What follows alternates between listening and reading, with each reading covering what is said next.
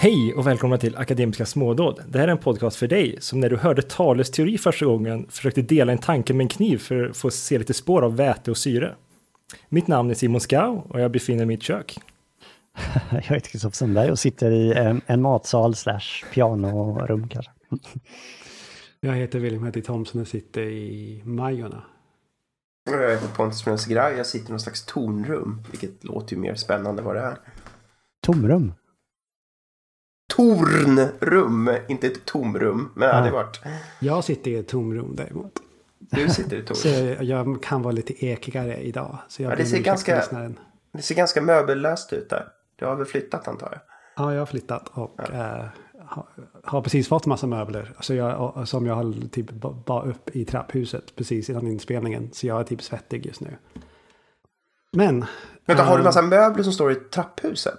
eh, nej, nej, som jag, nej, som jag bara upp från trapphuset. Som jag Ja, bara, okej, jag tänkte att du hade blockerat hela trapphuset så snart Nej, kommer nej, grannarna nej. och avbryter och deltar Nej, i den ligger i podden. hallen i typ lite Ikea-möbler och lite liknande saker. Så nästa gång är hopp, förhoppningsvis inte så här ekigt. Men just nu är det ekigt. för Jag har för stor lägenhet. Vilken ilandsproblem.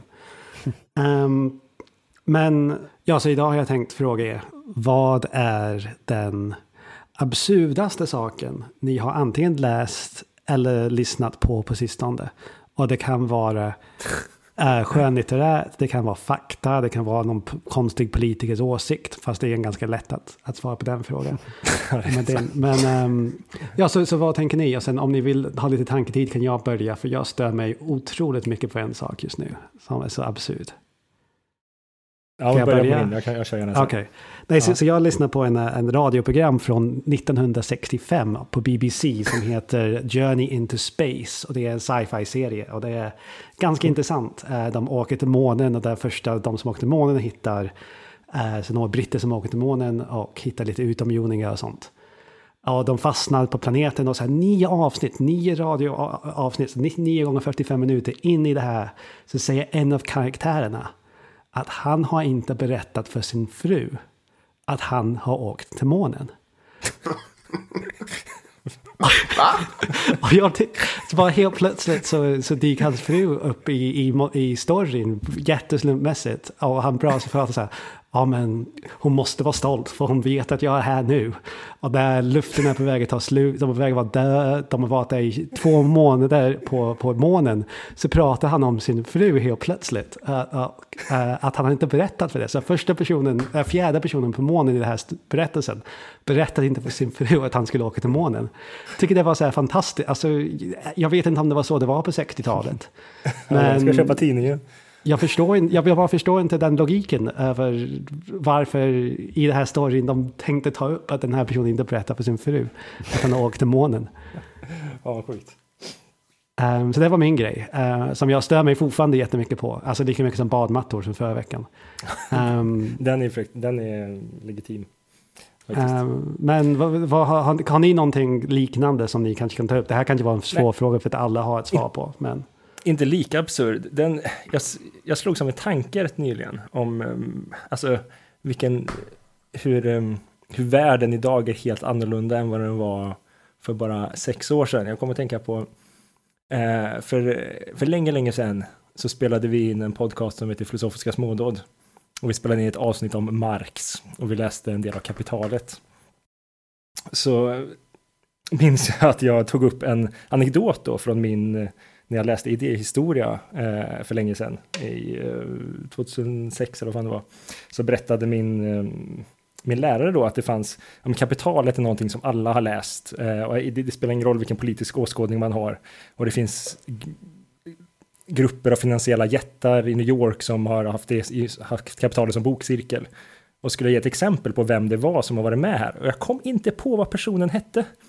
Av någon anledning kommer jag inte på vad personen hette. Jag frågade, ja men ni vet han som har varit med i Apprentice och vad, he vad heter han? Ingen av oss kom på vad personen heter. Och idag så känns det så helt absurt att jag inte kom ihåg vem Trump var. Jag skulle aldrig idag, alltså han, han finns i, i världen överallt hela tiden. Och att jag, jag inte kom på ordet Trump, vilket 2014 var väldigt legitimt.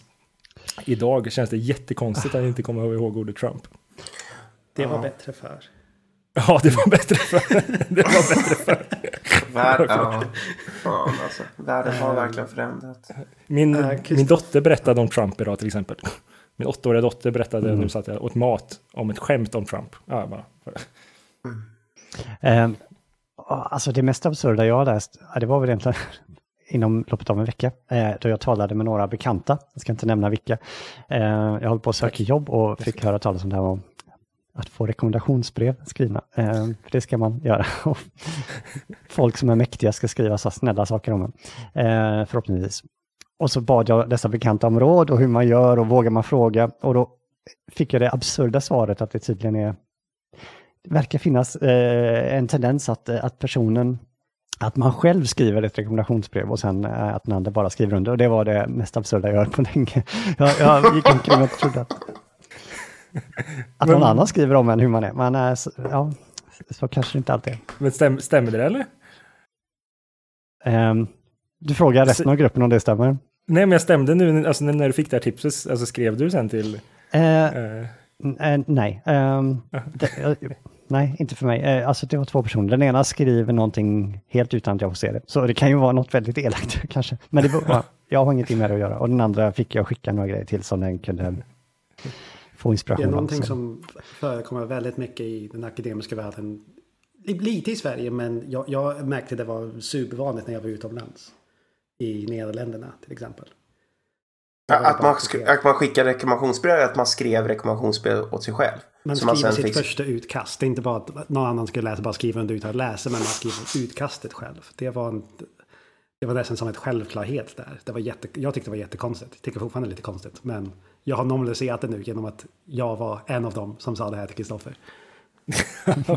jag försökte. William outa sig själv. eh, jag har väl egentligen ingenting absurt att eh, berätta om. Annat än att något jag läst om corona eller amerikanska valet eller liknande. Och jag, jag orkar faktiskt inte gå in på det. Så jag tycker vi går vidare till dagens ämne istället. Kristoffer, du har förberett en liten, eh, liten inledning om vad vi ska prata om idag. Ska du, ska du köra?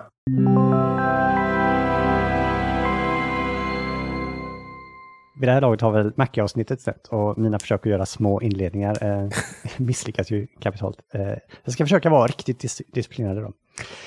Okej, så tanken är väl i detta avsnitt att vi ska diskutera vad som inom filosofin kallas naturliga sorter. Och det här är något som har figurerat i bakgrunden några tidigare avsnitt, men nu tänkte vi att vi tar en allvarlig diskussion om det. Eh, diskussionen om naturliga sorter handlar om eh, vår kategorisering av verkligheten i olika sorter. Ehm, vi tycks både i vardagslivet och i vetenskap eh, gruppera eller eh, sortera objekt och processer. Vi säger till exempel att objektet framför oss är en bit järn eller att det där borta är en katt eller att jag just nu har en varseblivning av en datorskärm, att månen hålls i sin bana på grund av gravitation. Eller så kan vi säga saker som att Sverige är en demokrati, att jag är en man, att eh, bristfällig kognitiv kontroll förklarade det avvikande beteendet eller att en person har ADHD.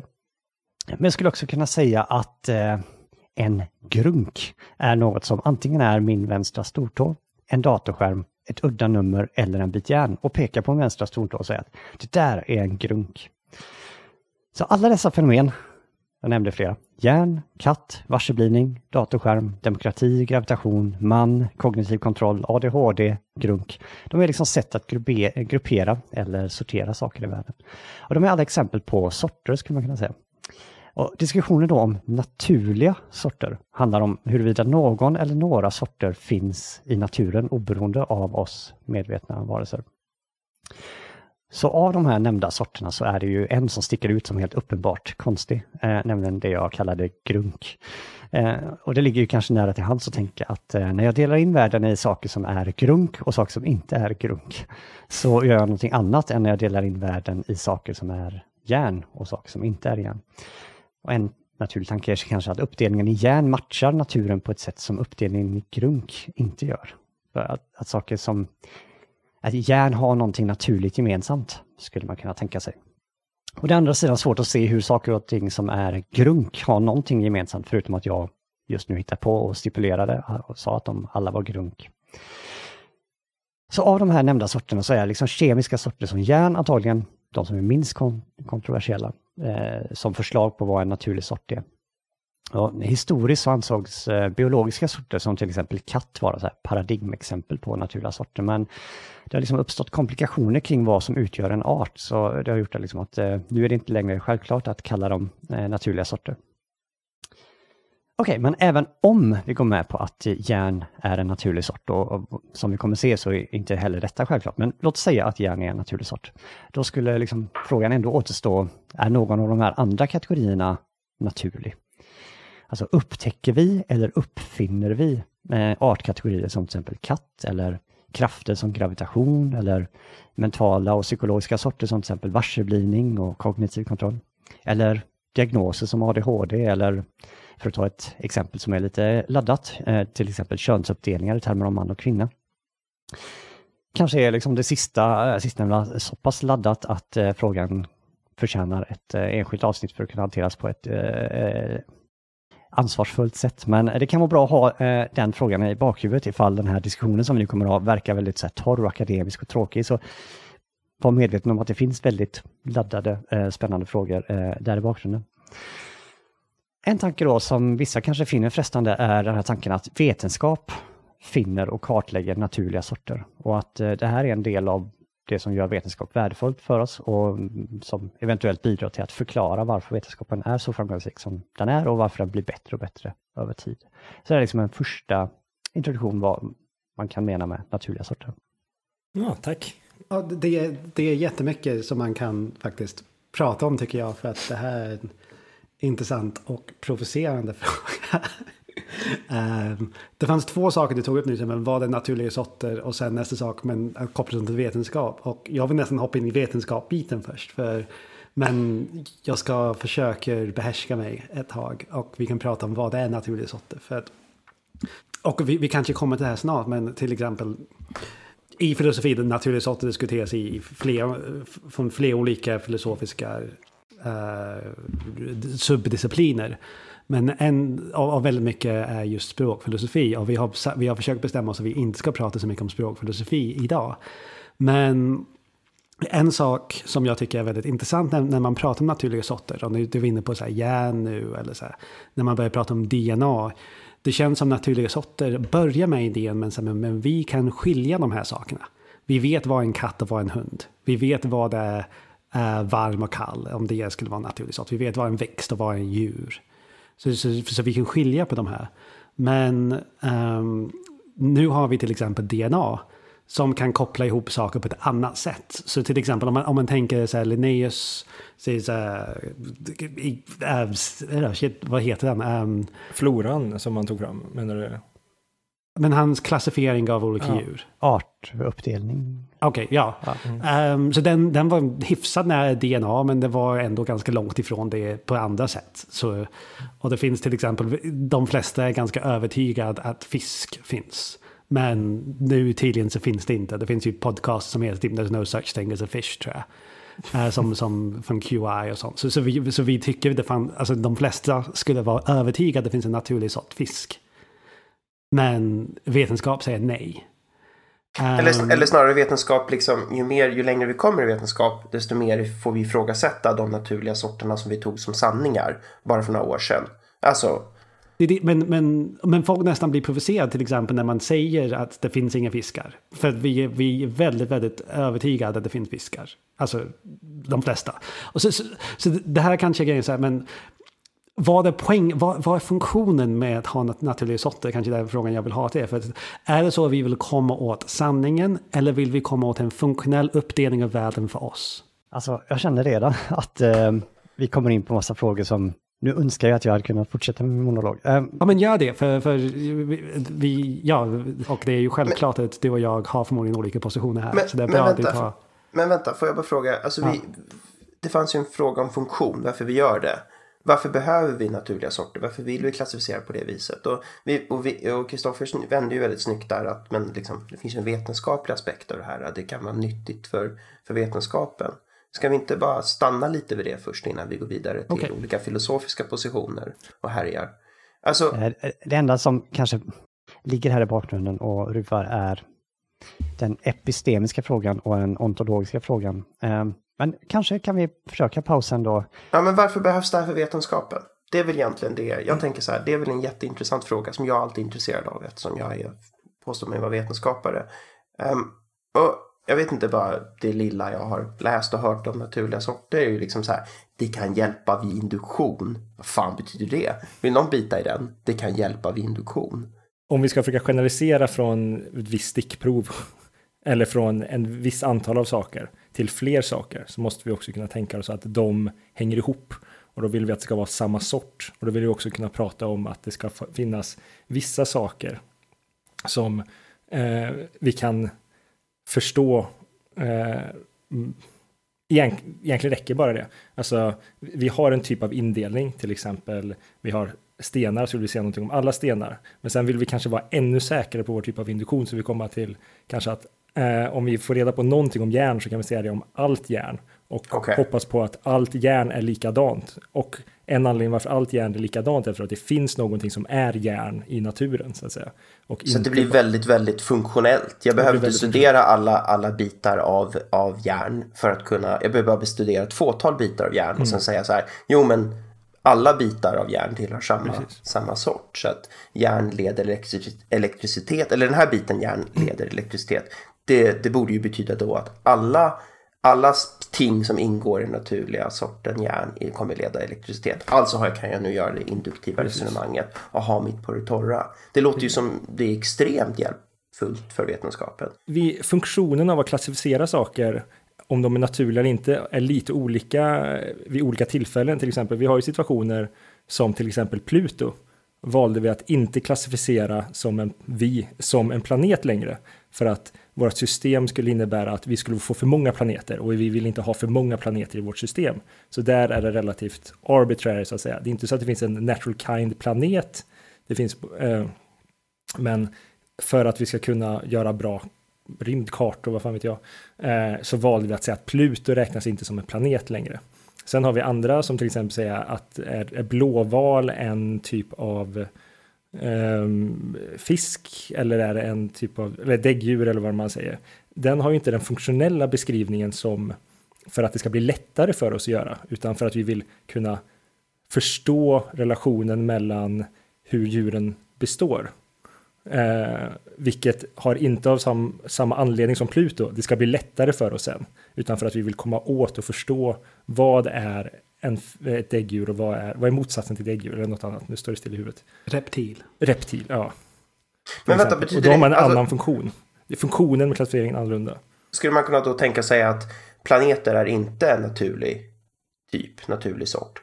Men däggdjur och reptiler, nu tror jag inte reptiler anses vara en naturlig sort Nej. heller längre, men skit i reptiler då. Att däggdjur anses vara en naturlig sort potentiellt eftersom funktionen i vår klassificering hade en helt annan... Jag vet inte varför den nödvändigtvis behöver vara en naturlig sort. Alltså nej, nej, för, nej. Men, äh, för, för, det, ja, men för att är egentligen allt vi har sagt var att det finns någon gång saker har delat på sig i vår genetisk evolutionära historia. Och vi säger men nu är det fåglar och nu är det däggdjur och så, och så vidare. Ja, um, men vi har bestämt vart den där klassifieringen, alltså mm. vart i den här historien, mm. nu ska vi klassifiera att de här, just den här branschen är annorlunda. Men det, fin, alltså, men det är fortfarande en evolutionär bransch mm. som vi bestämde någon, för någon anledning är just den viktig. Jag, men jag tror inte naturen har pekat ut att det var just den.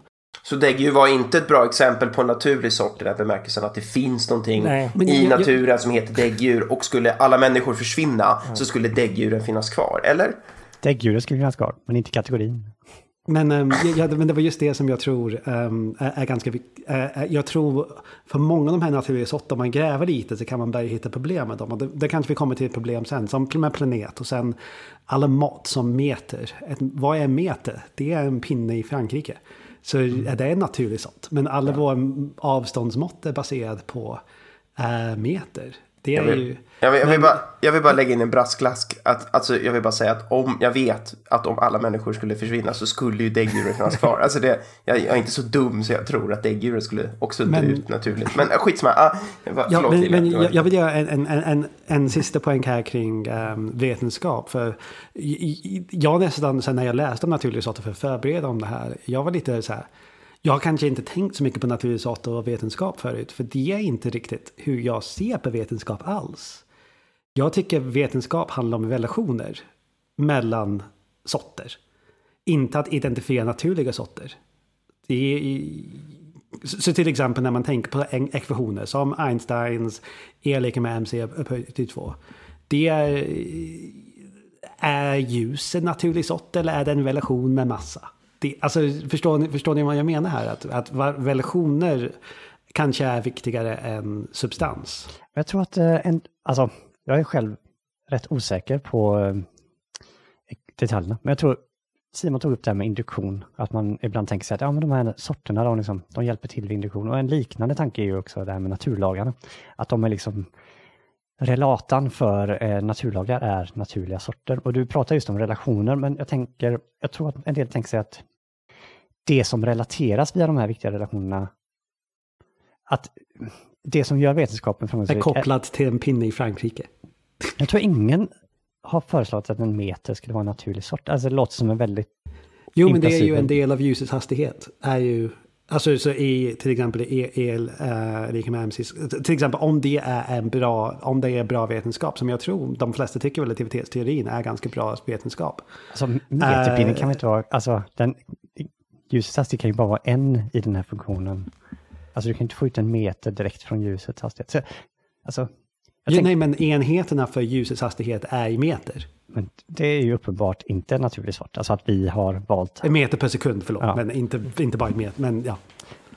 Det tycker jag låter som en uppenbart dåligt förslag till en naturlig sort. Alltså, alltså måttenheter är ju så uppenbart någonting vi har hittat på.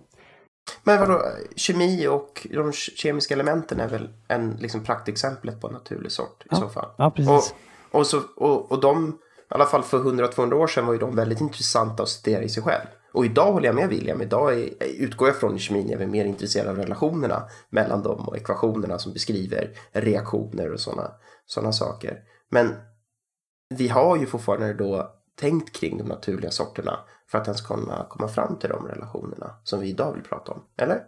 kanske kan jag säga så här, ja, men det känns som att William har redan lagt upp eh, mycket intressanta tankar där. Och kanske bara för att underlätta diskussionen så kan det vara fint att få ett namn på på liksom, de olika alternativen här.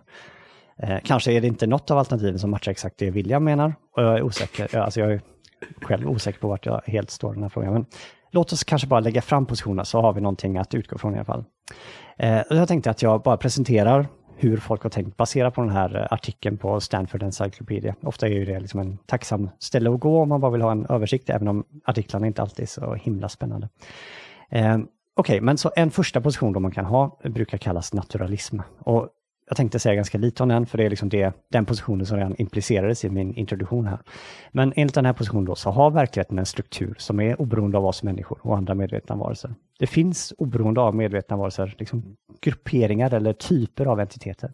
Så vissa klassifikationer vi gör matchar eventuellt kategorier som finns där ute i naturen. Och kanske då skulle man kunna tänka att guld och järn är två kategorier som är tacksamma att gå till. Och detta uttrycks ibland som att man, när man finner naturliga sorter, så carve nature at its joints, alltså man skär upp naturen i sina rätta delar. Om man finner en joint in nature, som det ibland uttrycks. Och jag har för mig att det var Platon som införde det här sättet att prata. Eh, och att han där gör någon sorts analogi med att slakta ett djur. Så om man ska skära upp ett dött djur så eh, finns det vissa sätt att dela upp djuret som kommer att vara mycket lättare och medan andra kommer att stöta på motstånd. Alltså försöka såga av mitt på eh, ett skelettdel här kommer liksom vara jättesvårt att såga av. Medan om du hittar en led så kan du liksom lätt stycka upp djuret. Och tanken är då att även våra sätt att klassificera naturen kommer att liksom, vissa sätt kommer att matcha eh, naturen och andra kommer att stöta på motstånd om man försöker dela upp naturen på det sättet. Eh, en viktig sak här är kanske att den här positionen naturalism inte implicerar att man eh, tror att våra förslag som vi har just nu på vilka naturliga sorter som finns eh, garanterat är korrekta. Så vi har ju haft fel många gånger förut. Man trodde förr kanske att förbränning eh, krävde närvaron av eh, ett ämne som man kallade flogiston Eller att ljus krävde existensen av ett medium, eter, och varken flogiston eller eter anses längre existera, åtminstone så vitt jag förstår inom mainstream fysik. Så naturalism innebär helt enkelt att ett förslag om att X är en naturlig sort kan vara rätt.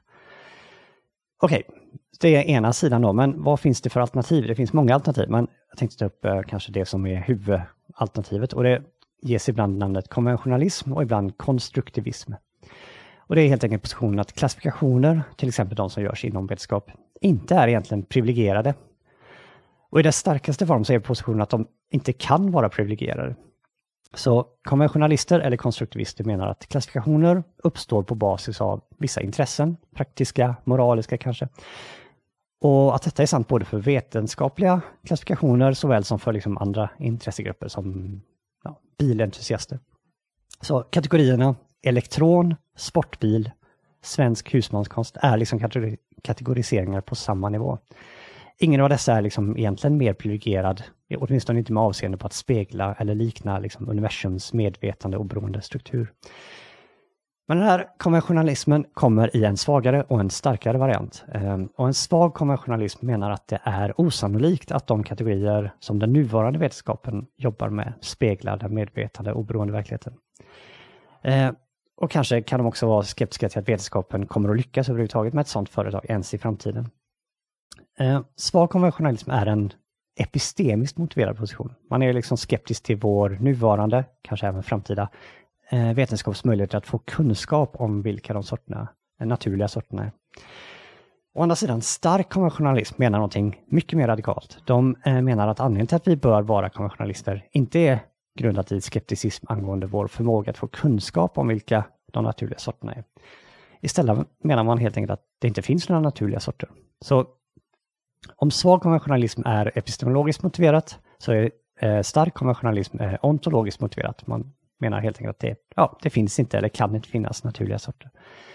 Eh, de menar att alla kategoriseringar, till exempel guld, neutrino, sportbil, man, kvinna, är konstruktioner gjorda av en viss grupp baserat på vissa intressen, där ja, dessa intressen bör vara något annat än att matcha verklighetens oberoende struktur. Eh, den centrala tanken är att alla kategorier är skapade av oss människor och eventuellt andra medvetna varelser, snarare än eh, någonting eh, som vi kan upptäcka. Vi, vi skapar liksom kategorin guld snarare än upptäcker den. Alltså alla går ju givetvis med på att vi skapar ordet, ordet guld, men det är liksom inte relevant här kan vara värt att påpeka att det finns en eh, viss asymmetri i debatten på så vis att det räcker med att det finns en enda naturlig sort för att stark konventionalism ska vara falsk. Och det räcker att vi har kunskap om en enda naturlig sort för att svag konventionalism ska vara falsk. Eh, så naturalisten skulle till exempel kunna hävda att kön är en social konstruktion men påstå att guld är en naturlig sort.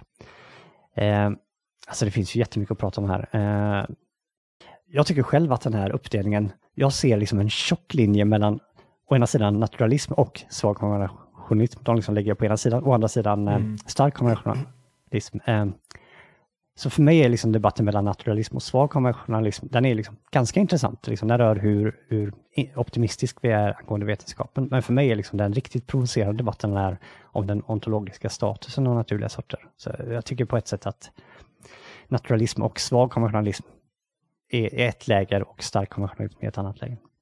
Okej, okay, men det är liksom en, en första introduktion då. Eh, några, kring några positioner. Det finns andra positioner, men jag tror det här är de huvudsakliga motståndsgängen. Och Kristoffer, för det kanske underlättar för lyssnaren, så vad står du i den här debatten? Vi kanske kan gå runt och säga vart vi alla mm. står. Ja, bra. Jag tänkte faktiskt att vi kunde göra det först. Eh, jag måste säga att ju mer jag läser om naturliga sorter, desto mer osäker blir jag. Jag hade en fördom att ja, men jag, jag liksom utgår från att det finns naturliga sorter. Och på ett sätt så mycket av vetenskapen och filosofin tycker jag på ett sätt talar som om det finns naturliga sorter. Men jag har ganska starka realistiska intuitioner, men exakt vad den här realismen är, jag tror det, jag har egenskapsrealistiska intuitioner. Men, och det här kanske är detaljer som vi kan komma in på senare. Det är inte säkert att att naturliga sorter kan vara något mer specifikt. Alltså, jag tror att man skulle kunna gå med på att det finns egenskaper. Realistiskt. Äh, man är inte nominalist som det heter, man är realist.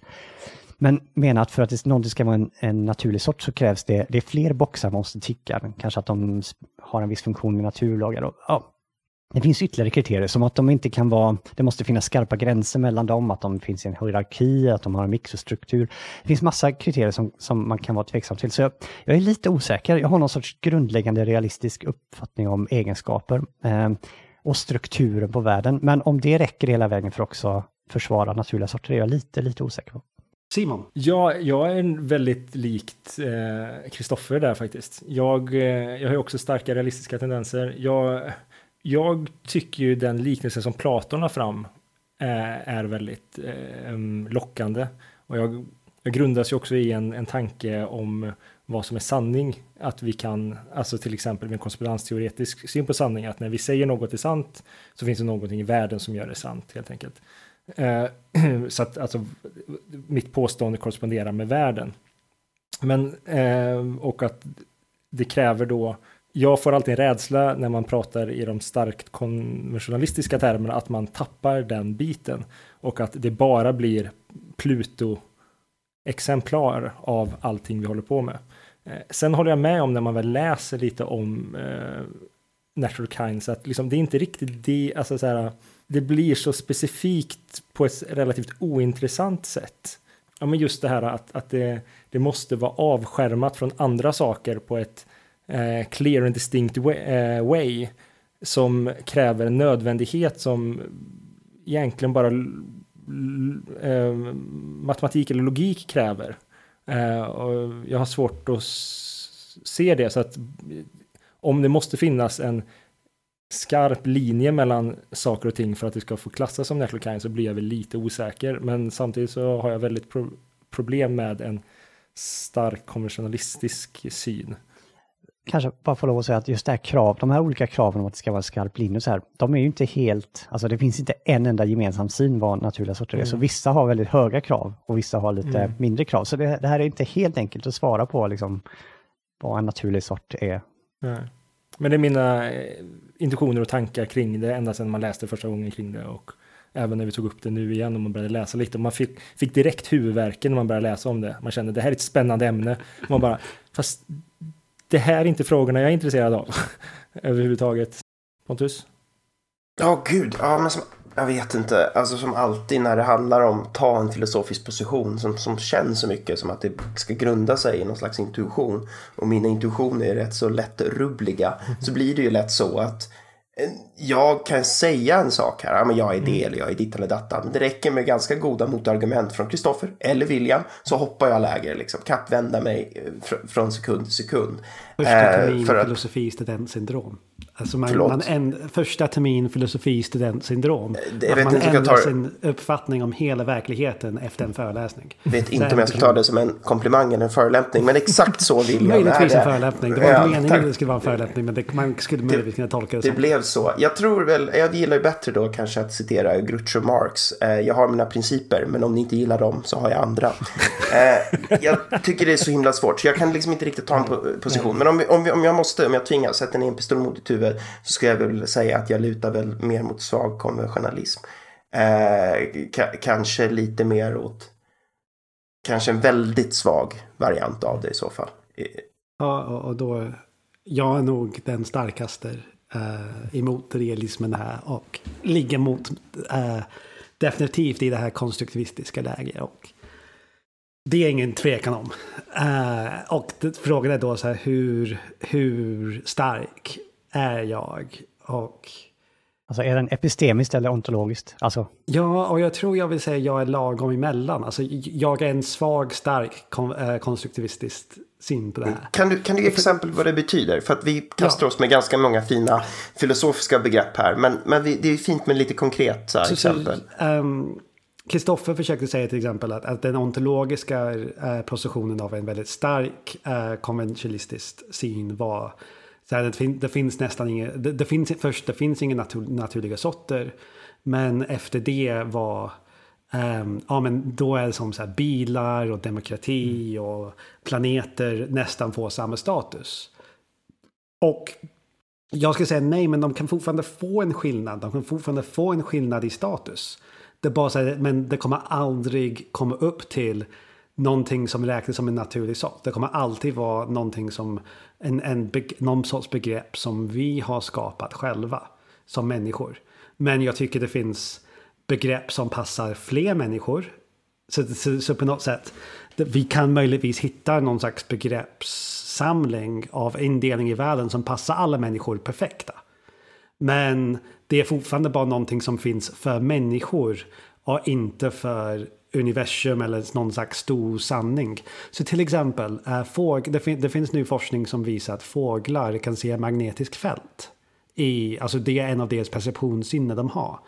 Och tänk om vi kunde se magnetiskt fält. Vi kanske skulle dela in världen på helt olika sätt. Men vi gör inte det för vi har inte den perceptionskapacitet.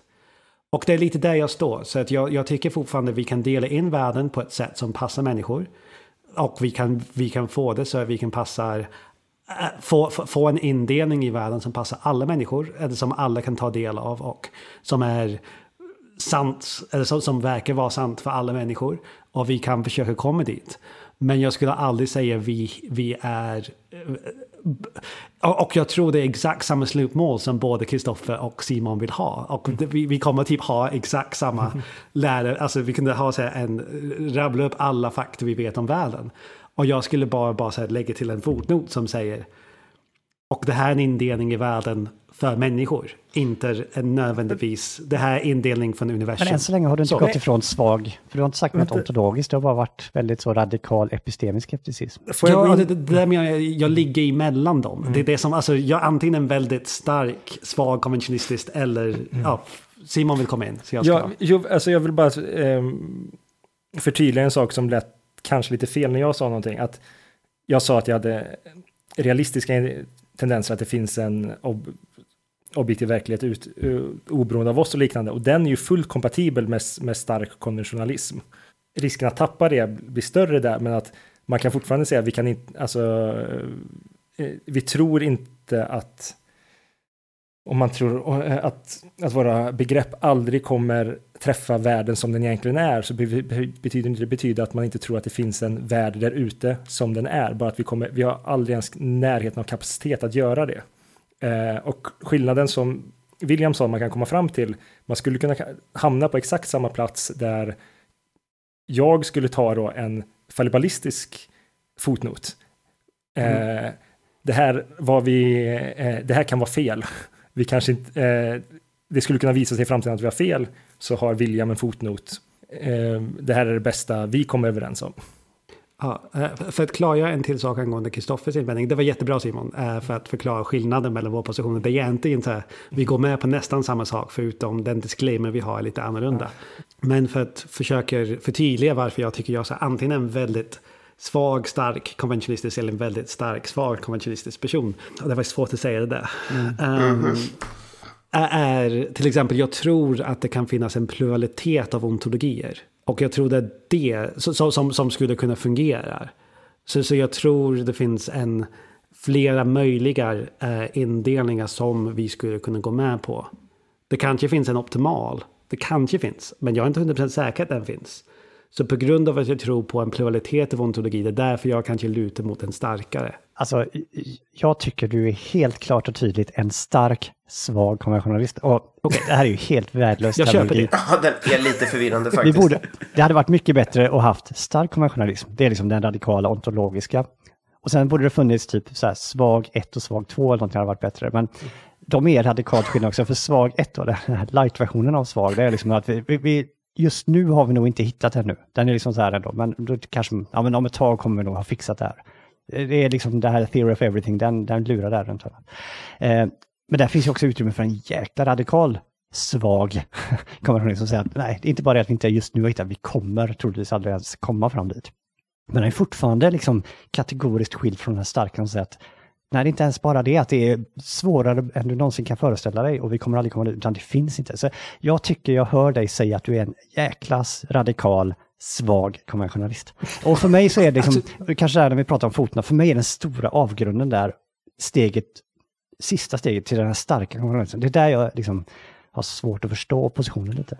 Men, men, men det kanske är det som, alltså, jag kanske inte tror på att det finns naturliga sorter. Och det är därför jag tror jag är i det här starkare. Alltså jag tror vi kan hitta sorter som, fun- som är pragmatiskt fungerande för oss, som vi kan alla köpa. Och det, där, det är därför jag tror jag ibland jag ligger just mer på gränsen än vad du tror. Ja, jag tycker också det låter som att William har tagit steget över Nej. ibland när han pratar. Just på grund av att det kokar ner till pragmatism och funktionalism och att vi kan hitta optimala indelningar. Men han säger aldrig att vi kan hitta naturliga, sanna indelningar. Utan bara, det handlar alltid om funktion för honom. Och jag tycker att människor kan komma överens till slut. Alltså, men det är på grund av, det är inte på grund av naturen i sig. Eller mer på grund av att människor är tillräckligt lika varandra. Men så fort Att man använder ordet hitta, överens. som Pontus gör nu, så är vi direkt inne på det svaga, alltså det epistemiska. För det andra är liksom om det finns. Eh, Men en sak jag aldrig förstått är att om man tror att det inte finns en oberoende struktur i världen, eh, hur förklarar man liksom att vi, vissa saker inte fungerar? Alltså, eh, William och Pontus lägger gärna på något så här pragmatiskt, att vissa saker funkar bra, vissa inte så här.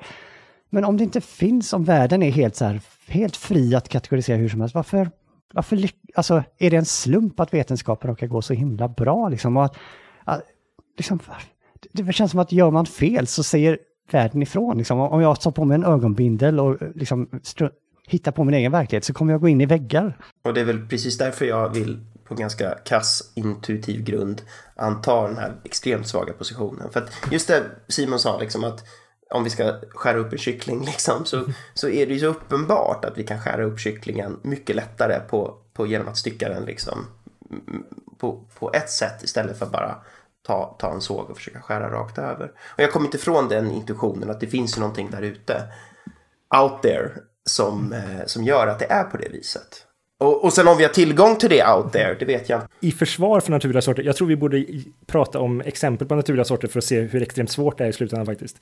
Men alltså den här pragmatistiska synen som har lagts fram här av William och Pontus lite, eh, är ju att vi, vi kan i, i slutändan om hundra, om tusen, om en miljon år så kan vi komma överens om. Det har ju ingenting att göra med om de stämmer eller inte. Om vi kommer överens har ju ingenting med om det vi säger faktiskt pekar ut någonting. Ehm, så att för att vi kommer överens, ja, det kan ha en stark koppling till vår motivation på, på vissa sätt. Och där är jag rädd att mycket av motivationstanken, likt Pluto, eh, kommer. Men att eh, det kan fortfarande finnas naturliga sorter och eh, klassificeringen är väldigt dålig eller att ni inte övertygas av mina argument till exempel. Men jag kan fortfarande ha rätt. Så målet att vi alla kommer överens är i sig inget kriterie för att eh, säga Nej, det är faktiskt en bra poäng. ehm, På grund av eh, om det är så till exempel vad jag tog, tog upp förut över till exempel äh, äh, angående fiskar. Om vetenskap säger att fisk inte finns men, eller förlåt, eh, men vi tror det, det är en sort. Eller som du tog upp med Pluto. Pl, pl, Pluto? Nej, vad heter det? Pluto. Jag tror jag sa Pluto. Platon förut, jag vet inte. Vad, Nej, pl- alltså, pl- eh, vi tänker på himlakroppen. Ehm, men, ja, men det finns fortfarande en stor del av personer som är över 30 som tror att den planeten finns i alla fall. Och eh, jag... Och det, det är lite det varför jag tror jag på den här starkare versionen. För att jag tycker så här, men den här indelningen, alltså jag är okej med idén att vi, vissa eller många tror att fiskar finns trots vi har belägg över det är inte naturlig sort. Men vi bete, många beter sig som att det är naturlig sort. Och det, jag tror det är därför jag ligger på det här extrema, alltså kanske gå över gränsen. Förstår du Kristoffer hur det... Jag tror en komplikation här är att eh, det finns massa sorter. Det tror jag alla måste gå med på. Nämligen, alltså sorter av sorter. Och det finns naturliga sorter, kanske. Det är det vi pratar om. Men sen tror jag det finns, so- som vi skulle kunna kalla kanske sociala sorter, eller kanske folkteoretiska sorter som har en väldigt stark förankring och på något sätt är objektiva i någon mån. Ja, Alltså, jag tror det kanske kan koka ner till socialontologi här lite grann. Eh, epistemet objektiva typ, eller? Ja, eh, men som inte är nat... Alltså, om alla människor dör ut så kategoriseringen stat, nationalstat. Men om alla planeter exploderar då finns det inte, inga planeter heller. Alltså det är liksom så här, men varför då? Bara för att vi lägger till ett krav, och så här, om någonting försvinner då finns det inte kvar.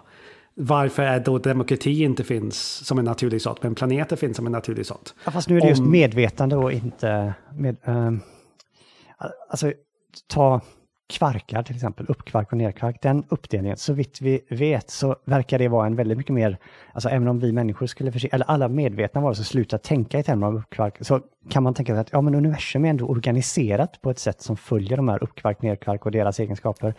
En potentiell eh, förslag på en naturlig sort är ju ja, med protoner till exempel. Och sen så har man ju tagit sin kniv och skärt i de här och sett att de öppnar sig och så ser vi att vi har eh, några uppkvarkar och nedkvarkar. Men varför slutar proton vara en naturlig sort då? Eh, det tycker jag också är lite luddigt, för jag tycker att eh, det borde väl vara rimligt att kunna tillåta en hierarki av naturliga sorter. Ja. Så det Precis. tycker jag också, alltså jag tycker inte det låter Men, så. men kan man då, om man tillåter hierarkin som jag, tycker låter, som jag tycker låter helt rimligt, kan man inte gå hela vägen upp till demokratier som naturliga sorter? Precis, det är ju jättebra för då, precis, det är en, när kommer den godtyckliga gränsen för att säga Och godtyckliga gränser känns att det är inte det man ska ha för naturliga exakt, sorter. precis. Ja, jag tror att gränsen är medvetandeberoende. Eh, Alltså järn, protoner, alltså man skulle kunna möjligtvis med, eh, påstå att det är en sorts organisering i naturen som inte är medvetandeberoende, medan kanske begreppet demokrati är det på ett sätt. Så att godtycklig gräns behöver det inte vara, även om man tillåter en hierarki. Men det Ha- skulle kunna ha- vara. Okej, förlåt. Alltså, har myror medvetande? Ingen aning. Ja, jag vet, men vi säger att de inte har det. Jag, jag är osäker. Men eh, de har ändå en samhällsstruktur i deras kolonier. Så, så det kanske finns en möjlighet, man kan ändå ha sociala strukturer som är oberoende av medvetande. Mm. Jag, vet inte varför medvetande är så speciell här. Som jag, som jag sa nå- någon gång, jag tycker inte om att använda ordet medvetande, för det gör bara allting klub, klub, Jag skulle vilja gå förvirrande. djup, alltså så här, säg att vi har en hierarki av, ja men vi har kvarkar, vi har protoner, vi har atomer, sen har vi molekyler. Vi fortfarande kan säga att ja men vi är fortfarande lite naturliga sorter, sen kommer vi till, jag vet inte vad kommer vi från molekyler, vi kommer till celler kanske. Eh, och, d- eh, och sen så, då börjar vi kanske komma till så här, ja, men räknas, eller så här, och så kommer man till en arm till exempel. En arm är en naturlig sort. Ja, det, då kan man ju börja komma, alltså som Bör den inte bli medvetandeberoende? Varför skiljer vi armen från axeln så att säga? Eh, och där har ju inte medvetandeberoende, men så någonstans på hierarkin innan vi har kommit till stater och, och, och sociala grejer så finns ju fortfarande en eh, potentiell invändning av godtycklighet. Varför skär du här? Men efter cell skulle det kunna vara varelser. Alltså, du Ja, har just inte det. delat in cellen heller. Alltså, du kunde ha gått in till olika delar Mm. av cellen. Mm. Och säga, men det är inte naturligt sånt. Och du... ehm, För här, tror jag finns väldigt, alltså en, alltså det är svårt att sätta ord exakt på just vad det här medvetandeberoende är. För, för liksom, ja men, eh, ett exempel är ju de här eh, grundämnena som uppstår bortom eh, uran. Alltså så man måste slänga ihop en massa dyra eh, colliders och grejer för att få dem att uppstå. De är ju på ett sätt. Alltså det krävs ju verkligen medvetna ansträngningar för att få fram dem. Och ändå är, tror jag att de flesta som är, har naturalistiska läggningar är lockade att säga att de är inte liksom fel sorts medvetandeberoende. Å andra sidan så någonting som jag har varit väldigt intresserad av inom filosofin är ju medvetandefilosofi och någonting som jag har forskat kring en hel del är liksom de här olika förslagen att dela upp mm, vad ska vi säga, medvetandet i olika sorter. Och eh, liksom en tanke är att man delar upp perception och kognition som två distinkta eh, sorter. Alltså folk frågar, finns det en joint in nature mellan tankar och varseblivning? Och då finns det massa olika sätt att försöka dra den här. Massa kritik mot att eh, gränsen är godtycklig och så vidare. Och jag tänker att ni andra har ju också jobbat inom psykologiforskning och även där kan man väl tänka sig att ni studerar sorter som man skulle kunna fråga huruvida detta är någonting som man faktiskt upptäcker eller någonting ni bara hittar på. Eh, för att det verkar liksom passa några syften. Så här. Eh, är det för tidigt att eh, ta frågan dit? Men ett sätt skulle kunna vara att vi går vidare helt enkelt och pratar Jag om de det är sorterna. jättebra. Och, ehm, jag har faktiskt en, en, har haft en föreläsning, jag har inte den just nu, ehm, där jag, jag pratar om just det här om så här, kopplingen mellan kognition, perception och emotion. Och säger att det finns typ två olika varianter. Det ena är så här, de här typ så här blobbar som interagerar med varandra. Eller de andra som, som jag kallar för integration, där det är så här, nej men de här är nästan omöjliga att separera. Att emotion är alltid ihopkopplad med kognition. Det är nästan omöjligt att ha det ena utan det andra. Och förvirrande nog så ligger jag i den kampen. Att de är likadana. Eller så här, de, de oskiljbara. Det är nästan jättesvårt att isolera emotion oberoende av kognition. Eller isolera perception oberoende av kognition. När du säger att det är omöjligt att isolera dem, vad, alltså vad menar du då William? För att det är klart alltså, det kan finnas en funktionell uppdelning. Alltså i terapirummet kan det ju finnas en poäng att sitta och prata om de här tre olika som, som olika entiteter och hur de interagerar. Alltså till viss del hur de interagerar med varandra. Men när du säger det är Absolut. omöjligt att dela upp dem från varandra, vad, vad menar du jag menar med så det? det För funktionellt är det ju absolut möjligt att göra det liksom. Jo, men man kommer alltid hitta det här gränsfall till slut. Det är liksom att säga så här, men finns det oberoende färger? Men sen nej, för när man kollar på färgspektrumet, det är så här, man har gjort uppdelningen i färgspektrumet. Vi Som- pratar om att den där hårda, tjocka linjen kommer inte Ja. gå att dra vid ett exakt tillfälle. Eller liksom vid ett exakt begrepp så kan vi inte dra den linjen. Och det kan jag köpa när det kommer till de här tre begreppen, verkligen.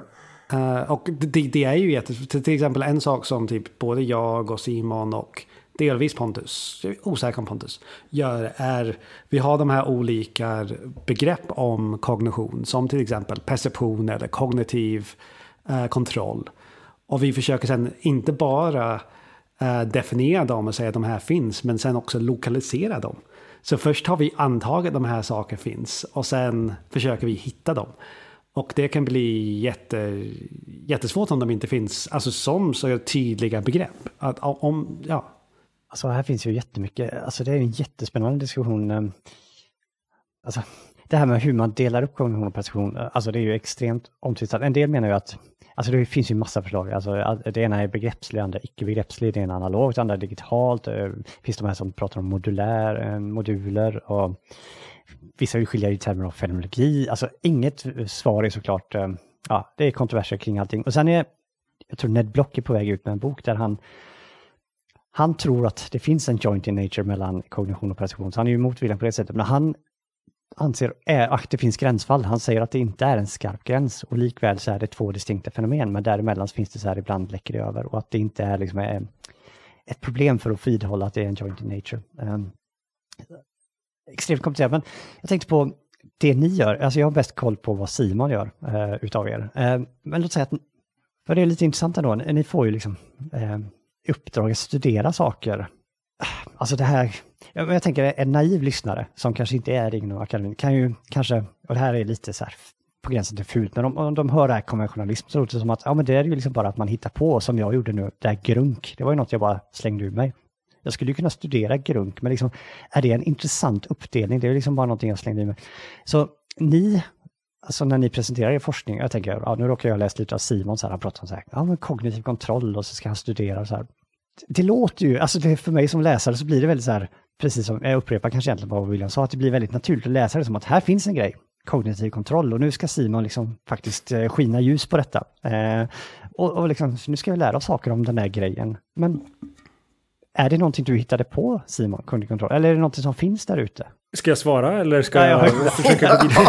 Om du vill, eller så Simon, är det bara ett Det exempel. var en riktig, riktig sån här op, eh, disputationsfråga, tycker jag. men det var bara för att eh, jag bara känner till Simons forskning. Nej, men det, alltså det som är väldigt in, in, intressant, alltså, alltså, i väldigt många psykologiska fenomen så hamnar man i kognitiv kontroll som en relativt eh, primär eh, grej. Alltså, alltså förmågan att, att, att flexibelt kontrollera tanke och beteende och emotioner. Eh, men problemet är ju att man, man kan ju fortfarande del, den har fortfarande grundpelare. Andra grundpelare, så även om jag forskar på kognitiv kontroll och anser att den är relativt primär, så ser jag fortfarande att den består av andra saker som gör, som gör den möjligt, rent konceptuellt om inte annat. Som förmågan att eh, ha en intention eller liknande, eller förmågan att sätta upp mål eller förmågan att eh, men här sa vi inte att det inte behövde vara en motargument mot Nej, det naturlig sant. sort, för det kunde vara en hierarki. Så Mm. om man tänker art och genus och allt vad det nu är. ehm, Jag tror att eh, målet är att, det, att de ska vara peka ut, kanske inte naturlig sort, men extremt jävla mm, rigid eh, och funktionell och pragmatisk sort. Men eh, där vi är idag är de inte riktigt där. För- jag vet inte, vi har ju ne neuroner, verkar ju Ja. kanske finnas. Vi kan liksom peka på dem, de är väldigt små. Men annars kan vi ju nästan så här, ja men där är en sån grej. Och här är en till sån grej och en till sån grej. De verkar gärna vara ganska lika varandra. Så kanske så här på folkpsykologiska Nej, nej, planet. nej, nej, det, det är de inte. Det finns andra neurontyper. Ja, men eh, det finns neurontyper. Eller är varenda eh, neuron en liten snöflinga eh, där de har ingenting gemensamt? Så ordet neuron är egentligen bara... Ja, det finns bara olika sorter av neuroner också, så man kan dela in dem i olika grupper och kategorier också. Så det, Ja. Men Så du då, kommer i alla fall kunna hitta två stycken saker som man kan ti- tillhöra samma sort. alltså du har ju neuronsorter då. Eh, vi Ja. zoomar in kameran ytterligare ett. Okej, så de kanske... Finns de? Alltså det, vi kan ju åtminstone peka på dem. Och sen har vi så här folkpsykologiska med. Så här. Det här beror på vilken, alltså man kan vara elementarist och så här, men kanske har vi åtminstone en sån sorts eh, indikation på att vi har, att de finns. Men min upplevelse är att en del psykologiforskning är inte riktigt på neuronnivå och inte heller på folkpsykologi, utan någonstans däremellan den ontologiska hierarkin. Och bara, har ni tänkt eh, på dess ontologiska status? Vad är det för något ni studerar egentligen? Ja, alltså, så, så, jag tror de flesta skulle säga till exempel um, på samma sak på om man ska studera huden. Man studerar inte enskilda celler. Det är en, det är en äh, samling av celler som, som äh, huden består av. Eller så här, om man studerar hjärtat eller någonting. Det är ju många celler och man kan inte bara peka på en cell. Precis samma sak. Det är inga, eller okej, okay, det finns de som tror enskilda neuroner är jätteviktiga. Men jag tror det är inte en populär position idag. Utan man oftast tänker det är population av neuroner som gör si och så tillsammans i ett samarbete. Liksom så här, om man tänker som ett företag, det kanske inte finns en person som bygger någonting. Utan det är ett samarbete med flera arbetare. Det är så. Den här många- populationen, är det någonting du har hittat på? Liksom bara sagt att ah, jag kallar neuroner därifrån till dit, det kallar jag en Folk- population. Eller är det någonting du Folk har upptäcker? olika terminologier för vad Ja, men är det någonting man skulle vara. upptäcker eller hittar på? Ja, så, så det är faktiskt en stor del av mitt um, arbete, vad jag har hållit på med. Är, jag håller väldigt mycket på med hur, vad ska vi kvantifiera från hjärnan? Det är så, här, så, så, så nästan så här, jag bryr mig inte om begreppen, men, så här, men vad är de här populationerna egentligen först? Vad är det som vi ska mäta från hjärnan? Och sen korrelera det med våra begrepp. För istället för att bara tänka sig att jag ska kolla på ett visst område, utan jag vill hitta um, någon sorts samarbetande Du säger enhet. ska, det låter som en normativ, som att vi borde Ja, fokusera för, för vad, det, bygger det, det, på? det, är en, det är en teori. Så, så det, är, det finns ju flera teorier angående hur hjärnan fungerar och det är en av dem. Men Som, bör, som hur värderar vi? Alltså du kommer med ett förslag så här, vi bör fokusera på detta, inte det. Är det liksom bara slå en tärning eller är det, vad ligger bakom det här? Alltså med bör menar jag bara, för det kanske var att jag var lite klumpig i uttryck nu, men när jag säger bör, men jag jag tror på teori A och vill hitta belägg för teori A över teori B och teori C. Och i enligt teori A, det betyder vi kvantifierar hjärnan på ett visst sätt. Och i teori B så kvantifierar hjärnan på ett annat sätt. Och det är det jag menar med bör i det här fallet, bara att jag vill hitta evidens över teori, för teori A istället för teori B. Um, men en annan sak, bara för att gå tillbaka till lite, men vad är poängen med allt vi håller på med? Eh, som, är ju, som är mycket värre än mina frågor i början av den här podcasten tycker jag. Är, um, till exempel, just med kognitiv kontroll, jag och Simon pratade lite tidigare idag, eller och igår, angående till exempel att kognitiv kontroll förhåller sig till ångest. Så det finns de som, som har kognitiv kontroll på ett visst sätt som upplever ångest. Och det är, det, det är det jag menar oftast med, vi kanske inte nödvändigtvis försöker hitta den op- optimala definitionen av kognitiv kontroll. Vi vill hitta hur saker, de här olika psykologiska begrepp vi har, eh, hur de verkar förhålla sig till varandra. Det är det jag menar för, för ett tag sedan angående relationer. Istället för att försöka hitta sorter. Och jag tror... Vad är ångest då?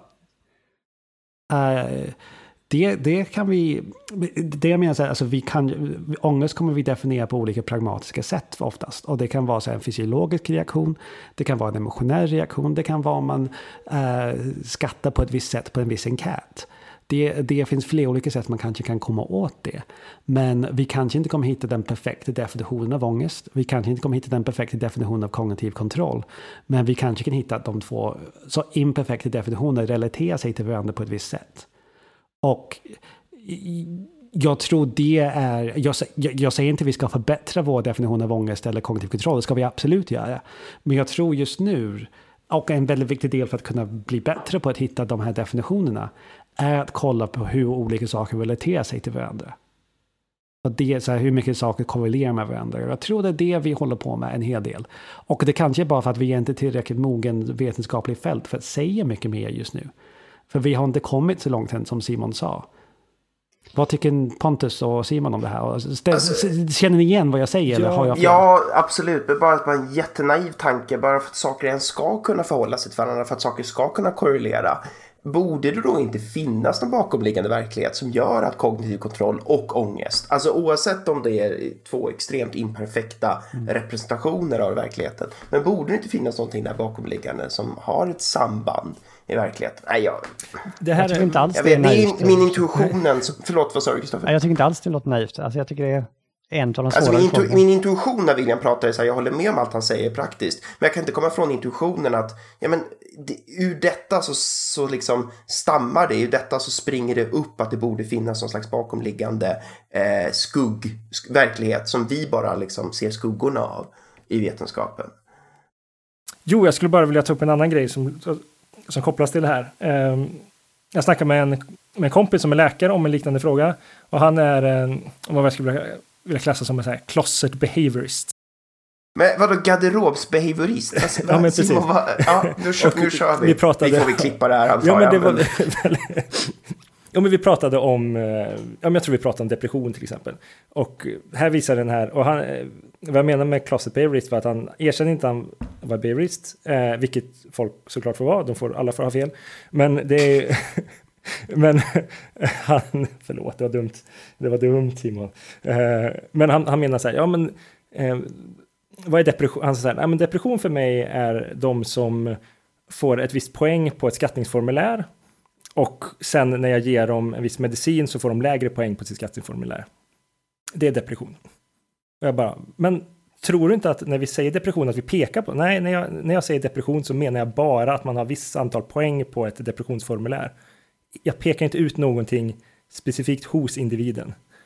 Eh, och, eh, och nu har vi inte pratat om, om operationalism, men det är en typ av op- operationalism och att, att man kommer gärna då till varför jag tog upp det här som exempel, man kommer till vissa luddiga begrepp, men vi har vissa sätt att casha ut de här på, oftast i beteenden, som till exempel att eh, vi ändrar beteendet genom att ha mer poäng på en skala och sen när vi ändrar någonting så har vi mindre poäng på en skala. Och samma sak har vi med kognition och ångest, så eh, hur vi har beskrivit dem, beskrivit viss typ av beteende.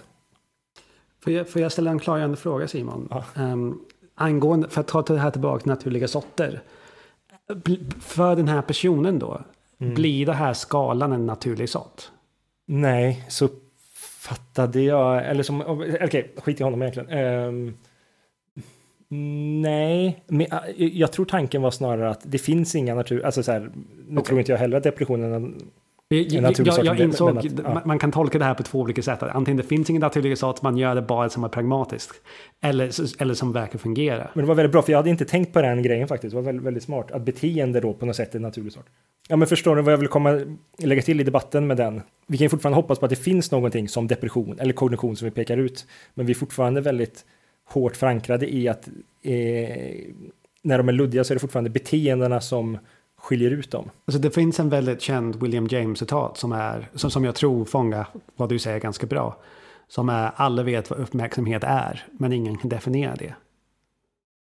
det jag, har, jag har totalt förstört citatet nu, men det är något åt det hållet. jag tror du högg upp det, men det var, andemeningen är exakt så, Ja. eh, William. Och- Alla, alla har en uppfattning om vad uppmärksamhet är, men om man frågar någon, ja men liksom definiera det, så kan ingen ge definitionen av det. Eh, och, och det är ju jättesvårt för egentligen när man för, för när jag har undervisat om uppmärksamhet så är egentligen det är fyra timmar där vi ska definiera, vi ska svara på frågan vad är uppmärksamhet. Och egentligen då börjar man gå i olika indelningar och så till slut så här, men pratar vi om uppmärksamhet längre, eller är det här korttidsminne eller emotion? Så um, det är jätte, och jag, jag, har jag förstått dig rätt Simon? Eh, säger jag ungefär samma sak som du sa? Ehm, Eller tycker du, du, du känner du Ja. dig träffad av det där William James-citatet? varför jag tog upp det var mer den här, eh, vi pratade om att, att de inte, inte hänger, alltså kognitiv kontroll och ångest och att de relaterar till varandra på ett visst sätt, men vi kanske inte är helt säkra på exakt vad de är. Eh, och att om de carve persons edit joints så att säga. Och så har man ju fortfarande en in, intuition som jag också har, men också så- som Pontus och Kristoffer tog upp. att Det är naturligt att ha intuitionen att det inte bara hur ångest och kognition relaterar till varandra, det måste finnas någonting mer. Men, eh, och den extrema fallet av det här är ju den här operation, operationalism, så att säga. Att man, har inte, man bryr sig inte om att peka ut någonting överhuvudtaget. Det Man skapar alltså- chicken nuggets. Istället för att dela in en kyckling med... Ja, ah, förlåt, det var helt fel liknelse. jo, men, jo, jo, men det var jättebra. Eller som man säger med vissa raljerar över intelligenstest. Vad, eh, intelligenstest test, intelligens är vad som testar med intelligenstest.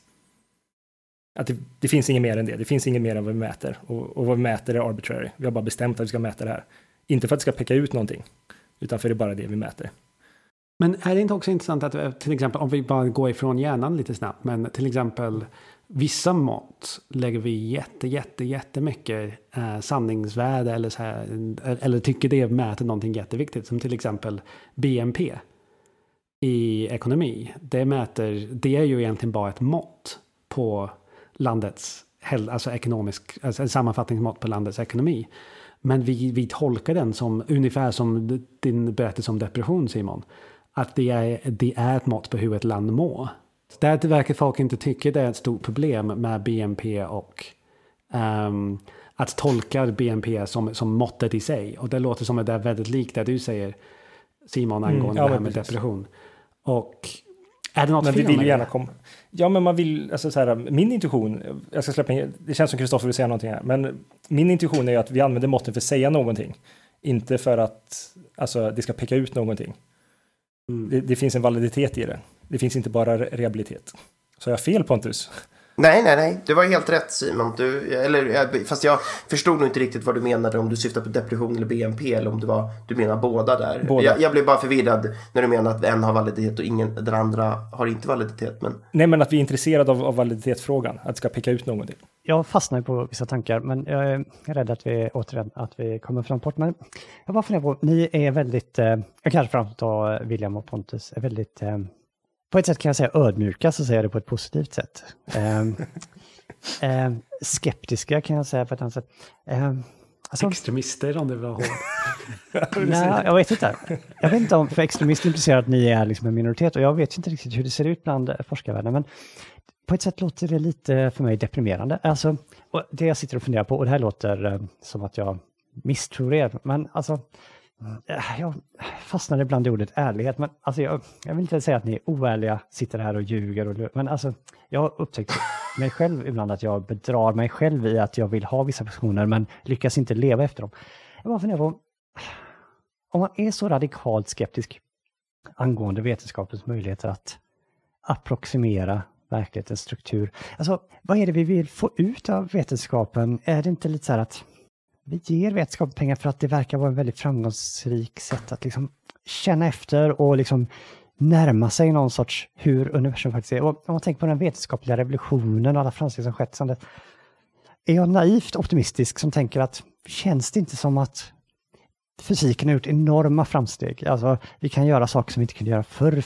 Och ligger det inte då nära till hands så tror jag att de famlar kanske, de har inte hittat hela vägen fram. Men de lyckas på något sätt göra en grov karta över, de börjar närma sig hur verkligheten är. Och jag vet inte hur psykologi, hur skeptisk man kan vara kring psykologi, men har det inte skett några framsteg sedan, säg 1800-tal? Känns det inte som att ni nu förstår saker kring hur hjärnan faktiskt fungerar? Inte bara så att äh, vi kallar det så här, utan en kategorisering av hjärnans processer som inte bara är godtyckliga utan ni faktiskt greppar efter någonting. Alltså, är det inte deprimerande att tänka att, att det där är bara en, en, en naiv dröm? Alltså hur orkar man gå till jobbet och lägga ner tid om man inte har ändå förhoppningen om att det är någonting är sånt som man approximerar?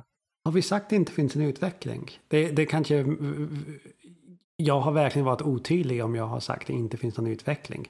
Jag menar bara att vi kanske inte kommit närmare naturliga sorter. Det betyder inte att vi, vi har inte haft en utveckling eller gjort framsteg. Kommer då inte närmare och närmare naturliga sorter? Alltså, de finns där ute och våra begrepp nu är mycket liksom tajtare. Nu har du antagit jättemycket i de två meningarna. Alltså inte framgång och utveckling, två olika skilda. Um... Men jag, jag, tror till viss del att jag antar den positionen, Kristoffer, bara för att klargöra. Jag vet inte om du riktigt om du syftar på mig också eller om du mer var inriktad på William. Men, men att jag menar att vi som svag konventionalist så tror jag vi är långt därifrån.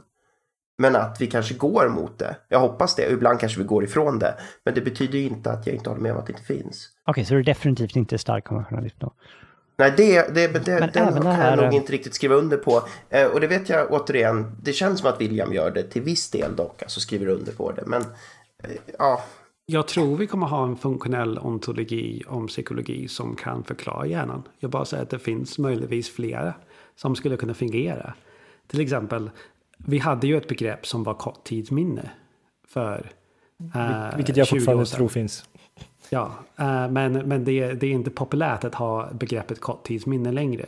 Så vår begrepp förändras. Och nu har vi arbetsminnet istället för korttidsminnet. Ehm, och arbetsminnet och uppmärksamhet, de överlappar otroligt mycket. Det finns problem med motivation. Det är, så, så väldigt mycket av det här är inte oberoende begrepp. Ehm, men vi pratade om um, typ ett carving the joints förut. Och det blir liksom så här, ja men det kanske finns för många joints i, när vi kommer till just psykologi och hjärnan. Så vi, Ah. kan, vi, kan, vi kan kava på många olika sätt. Vad surt att kom- vi... Okej, för det var ju en tredje position som vi aldrig tog upp. Jag hade den i min monolog, men jag var rädd att den var för lång. För det är ju den sista positionen som är promiskuös realism. Eh, kanske synd att vi inte fick in den på, på banan. Eh, men kan du inte bara i två meningar dra den William? Eh, Kristoffer. Okej, menar jag. har- okej, jag skiter i att läsa till. jag bara improviserar. Men där är tanken så här att eh, verkligheten är oerhört komplex. Det finns verkligen massvis med joints in nature. Eh, och överlappande, kors och tvärs. Och liksom, alltså det är verkligen inte alls den här rena uppdelningen som tidigare naturalister, utan det är liksom re- realism. Det finns joints in nature, men otroligt många. På ett sätt så är den ju väldigt lik realism, för den säger verkligen, eller ah, vad, vad kallar vi det nu, naturalism, för den säger att det finns verkligen där ute sätt att dela upp världen som är som på något sätt mer naturliga. Men på ett annat sätt så är den väldigt lik konventionalismen, för den kan liksom säga att nej, men det är våra intressen som styr vilken av alla dessa möjliga som vi väljer eh, att fokusera på. Och det är liksom våra intressen som styr att vi väljer att fokusera just det här.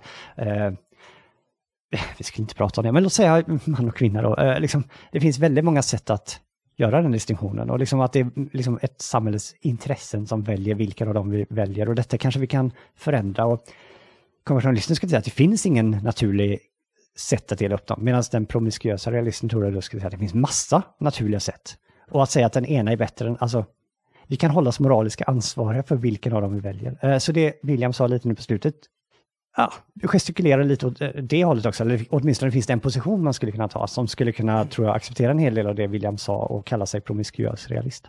Ja, eh, jag, är inte emot den positionen så mycket, förutom att jag också är här skeptisk mot det här med natur, den naturliga biten och naturliga sorter. Och det är därför jag tror jag hamnar i den starka konventionistiska plats istället. Det är i alla fall en svag variant. Men, ehm, men hur, hur, så vi pratade om vår åsikt i början, och vi kanske ska börja avrunda, men har ni ändrat era åsikter under den här tiden? Jag har nog inte gjort det, men... nej. Fyra gånger under samtalet har jag bytt position. Gått från ena sidan på skalan till andra. Nej, jag vet Som faktiskt var din inte. position i början, så det är ju bara förfyllt. Exakt. Så per definition har jag då inte bytt åsikt.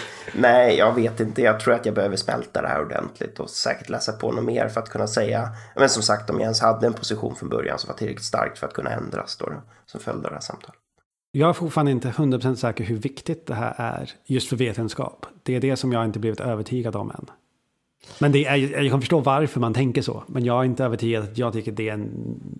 Jag kan förstå varför många tycker det är viktigt. Men jag förstår inte ja, om det är nödvändigt. Nej, om vi orkar. Eh, i fram- Jag skickade ut ytterligare en artikel som jag inte kom igenom själv riktigt. Men där är en filosof som argumenterar för att ja, det kanske finns naturliga sorter. Han liksom tar inte ställning till den. Låt säga att det finns. Spelar det någon roll? Borde vi anpassa våra teorier efter dem? Och han argumenterar för att nej. Eh, Även om de finns så liksom behöver vi inte bry oss. Eh, Det är väldigt provocerande och eh, jag ville läsa den för att provocera mig själv. Om ni får mer smak någon gång i framtiden så skulle vi kunna ta en diskussion om, om den artikeln också. Och, och, och, om jag tror, alltså jag antar positionen lite som så här, men vi fortfarande använder fisk som begrepp, trots vi vet att fisk inte finns längre. Jag tror det. Jag, kommer, alltså jag läste den så länge sedan. Men ja, det låter, jag tror det. Men det låter som att vi har underlag för att eh, diskutera det här mer. Som alla andra ämnen vi någonsin pratat om i den här podcasten. Men med det kanske vi säger tack och hej för idag. Och så ses vi nästa vecka. Tack och hej. Tack och hej. Bye.